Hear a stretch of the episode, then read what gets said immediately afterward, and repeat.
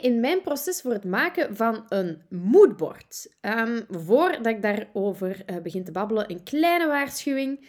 Luna, mijn hondje, is heel actief, want ze heeft uh, vrij veel alleen gezeten vandaag. Dus als je wat getrippeltrappel op de achtergrond hoort, dat is helemaal geen rare muis of zo. Dat is um, gewoon mijn hondje dat even haar vijf minuten heeft. Vergeef mij alsjeblieft. Dat is het leven zoals het is bij Amuse.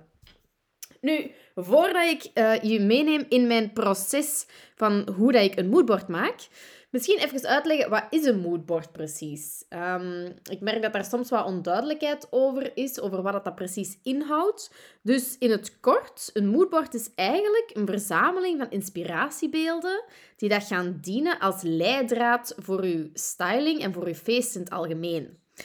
Um, daarbij denk ik dan bijvoorbeeld aan de stijl uh, van uw feest, aan de kleuren, aan de materialen die dat er gebruikt worden, maar ook de sfeer die dat je feest moet uitstralen. Dus dat is misschien niet zo specifiek echt qua kleuren en materialen en dergelijke.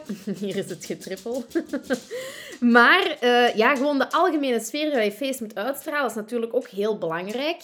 En dat is heel gemakkelijk om dat in, in foto's weer te geven. Want ja, ze zeggen wel, en een foto zegt meer dan duizend woorden. Dat is ook effectief zo. Als je aan leveranciers en dergelijke moet gaan uitleggen wat voor feest dat je voor ogen hebt, is dat heel gemakkelijk om dat met foto's te doen. Um, dus daarom is eigenlijk je moodboard ook een tool om je leveranciers te brieven. Bijvoorbeeld voor je florist is dat een hele goeie.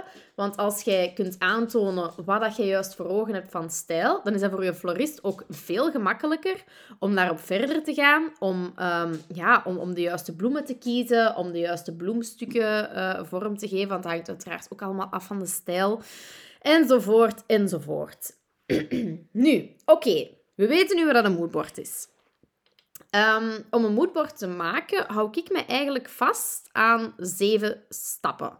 Nu, om eerlijk te zijn, ik um, doe ook niet alle zeven de stappen als ik een moodboard maak, maar ik maak dat natuurlijk wel net iets vaker um, dan de gemiddelde bruid of bruidegom die dat gaat trouwen. dus ik heb zeven stappen die dat wel heel gemakkelijk zijn om u aan vast te houden. Nu, de eerste stap is eigenlijk het verzamelen van inspiratie. En heel vaak denken mensen bij inspiratie aan Pinterest. Um, meestal als koppels bij mij op kennismaking komen, heeft een van de twee al wel een Pinterest-bord. Um, meestal is dat de vrouw, maar zeker niet altijd. Ik vind het altijd tof als, uh, als mannen uh, afkomen en zeggen dat zij al eens hebben rondgekeken op Pinterest. Er staan meestal ook wel andere soort zaken op dan, dan bij vrouwen. Ik vind dat super tof om te zien. Bon, ben aan het afwijken. Uh, maar dus inspiratie, ja. Je kunt inspiratie opdoen op Pinterest. Sowieso een super goede bron om inspiratie op te doen. Maar er zijn natuurlijk nog veel meer bronnen.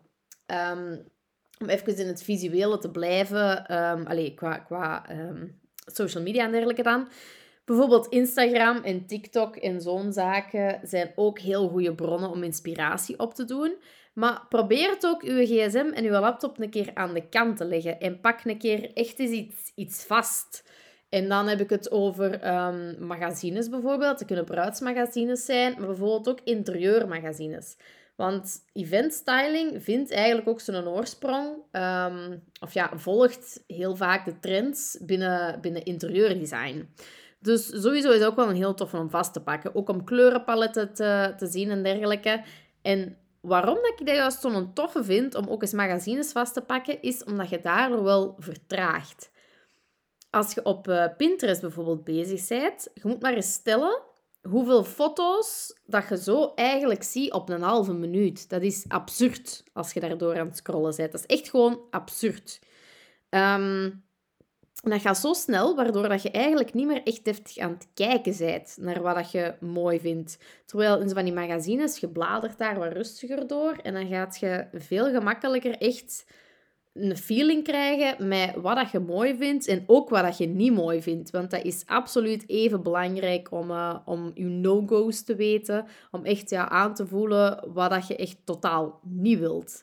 Um, dat zegt vaak zelfs meer dan ja, weten wat je wel wilt. Dus eerste stap, inspiratie opdoen. Als je dat uh, gedaan hebt, dan komt er een moment dat je een pintervention moet, um, moet inlassen. Je hebt daar misschien al wel eh, van gehoord, van een pintervention. Uh, komt er eigenlijk gewoon op neer dat je moet stoppen met pinnen op Pinterest dan. Ehm, of in real life pinnen op een bord, alles dat je uit magazines haalt. Maar dat gaat sowieso minder zijn als je dat zou doen. Dus over het algemeen is op, op uh, Pinterest, stop ermee. Je hebt genoeg gepint. Als je 300 pins op je bord hebt staan, is te veel. Stop ermee. Je ziet echt door de bomen het bos niet meer. Dus met je Pintervention, stop. Laat alles even bezinken. En pak nadien je bord er terug bij. En als je dan je bord er terug bij hebt gepakt, dan kun je eigenlijk gaan schrappen. Dan kun je echt aanvoelen van, ah ja, ja, ja, dat vond ik eigenlijk tof in het begin, maar ik voel hem zo niet meer. Ik ben er precies wat over. Het is zo niet meer iets waar ik warm van word. Voilà, kom, up, zwiert dat eraf. En zo ga je eigenlijk terug je bord wat kleiner maken, zodat je een duidelijker beeld hebt van wat je nu eigenlijk wilt. Als je dat hebt gedaan, dat allemaal hebt geschrapt en terug een iets compactere, compactere visie hebt, dan kun je eigenlijk echt gaan werken aan je concept. En je concept, dat is eigenlijk de rode draad doorheen heel je, uh, heel uw moodboard, heel uw styling. En dan denk ik aan um, de stijl, uiteraard, um, die dat je feest gaat hebben. Is dat eerder een romantische stijl? Uh, is dat eerder bohemian? Zijt je uh, minimalistisch ingesteld? Enzovoort, enzovoort. Naast de stijl ook de materialen die dat je gaat gebruiken, de kleuren die dat je gaat gebruiken, de bloemen enzovoort. Um, zoek daar een rode draad in. Ik heb heel vaak dat mensen bij mij komen en zeggen van... Oh, Hadi, ik vind alles schoon. Um, ik heb een Pinterest-bord, maar daar is nu eens echt geen lijn in te trekken. Er is meestal echt wel een lijn in te trekken. Het gebeurt heel zelden dat ik moet zeggen... Ik geef gelijk, ik zie het ook niet. Er is altijd wel iets. Is het misschien een bepaalde kleur die dat heel vaak terugkomt? Um, is het um, ja, de stijl die dat heel veel terugkomt? Dus zo het romantische? Is het het feit dat er um, bijvoorbeeld glazen kandelaars gebruikt worden. Is dat iets wat, dat je, wat dat je heel hard aanspreekt? Je vindt altijd wel een lijn. Het is soms wel even zoeken natuurlijk, maar er zit sowieso een lijn in. Dus daag jezelf ook even uit om in de foto's die dat je hebt gepint of uh, die dat je hebt opgeslagen, om even te gaan zien van waarom vind ik dat nu eigenlijk zo schoon. Eens dat je rode draad hebt, dan kun je wat specifieker gaan denken. En dan als eerste denk ik dan aan het kleurenpalet. Um, een kleurenpalet is gewoon iets heel gemakkelijk om aan vast te houden voor heel je dagindeling. Om echt iets te creëren dat één geheel vormt. Um, dus ik zou er echt wel van wegblijven om per dagdeel een apart kleurenschema te gaan gebruiken. Dus um, wat ik daarmee wil zeggen is, ga bijvoorbeeld niet voor uw ceremonie een ander kleurenpalet gebruiken dan voor uw, uh, dan voor uw diner en dan misschien voor uw avondfeest uh, met je fotoboot en zo nog iets anders. Ja, nee, ik zou echt wel één kleurenpalet gebruiken en dan kunnen we nog altijd met verschillende ruimtes werken en met verschillende accentjes of zo. Maar ja, dat geeft er echt, geloof mij, het geeft dat extra dingetje aan uw styling, aan al uw decoratie. Uw kleurenpalet is gewoon het simpelste eigenlijk om door te trekken. Um, samen met de stijl natuurlijk. Maar kleurenpalet, als je dat hebt, dan zijn al ver. Eens dat je dat dan hebt, dus je hebt je uh, concept um, wat, wat helder gekregen, je hebt je kleurenpalet eraan gebonden, dan kun je eigenlijk gaan onderverdelen in categorieën. Ehm, op Pinterest kun je een bord ook heel gemakkelijk gaan onderverdelen in subborden. Um, dus als je één ja, Pinterest-bord hebt met al je inspiratie, dan kun je echt gaan uh, opsplitsen tussen bijvoorbeeld kleding, drukwaren, uh, dus uitnodiging, save the date, menukaarten enzovoort. Um, bloemen, kleuren, uh, ceremonie, diner, ja, enzovoort eigenlijk. Alle mogelijke categorieën die dat voor u relevant zijn voor uw moodboard. Eens dat je dat hebt gedaan, alles hebt onderverdeeld in categorieën, dan kun je eigenlijk alles gaan consolideren in een moodboard. Ik zou dat, om, um, om eerlijk te zijn, om het eigenlijk gewoon gemakkelijk te maken ook, ik zou dat niet doen in Pinterest. Dus je hebt je Pinterest-bord, dat is sowieso al super handig. Maar naast je Pinterest-bord zou ik um, een PowerPoint of een, Canva of uh, weet ik veel welk programma dat je graag wilt gebruiken, zou ik nog iets apart gebruiken om echt al je foto's samen te zetten per categorie. Waarom zeg ik dat ook? Omdat je dan in één keer kunt verder gaan in de eh, volgende stap. Dus dan ga je kijken um, in je moodboard wat gaan we effectief gebruiken. Maar dan ook de materialen en de leveranciers die dat je daarvoor nodig hebt. En als je alles gaat gebruiken, uh, als je alles gaat zetten in een Canva of een PowerPoint, of vind ik veel wat, dan is het heel gemakkelijk om dat moodboard echt te gaan vertalen naar concrete materialen. Want dan kun je daar gewoon dingetjes bij plakken. Als je bijvoorbeeld foto's van kaarsen hebt, kun je dan een foto overplakken om duidelijk te maken van ja, ik wil eigenlijk die kleur kaarsen of weet ik veel wat. Het is gewoon super gemakkelijk om dat zo aan te passen en dat is uh, veel gemakkelijker werken dan een Pinterest-bord. Of dat is toch wat ik ervan vind. Maar doe er vooral uw goesting mee en uh, vind vooral een manier die dat voor u gemakkelijk is om te werken. Bo, dat was even uh, een hele boterham. Hè? Maar ik zal nog even de zeven stappen die dat ik um, heel handig vind om aan uh, ja, me vast te houden. Ik zal die nog even op een rijtje zetten. Dus een eerste stap is het zoeken van inspiratie. Kunnen doen op Pinterest, Instagram, maar ook in magazines en dergelijke. De tweede stap is je pintervention. Dus stopt even met pinnen. Laat alles even bezinken en gaat dan schrappen. Uw derde stap is het concept, dus uw rode draad. En ga eens kijken van wat, wat komt er eigenlijk allemaal terug? Wat is er iets dat ik echt heel schoon vind? Um, wat is er iets dat er zeker in moet zitten? Wat is zo de rode draad dat er terugkomt in alle foto's dat ik heb bijgehouden? Dan ga je kijken naar een kleurenpalet, zodat je er echt voor kunt zorgen dat je, um, ja, dat je een rode draad dus ook doorheen je kleuren, doorheen heel de dag kunt vormen.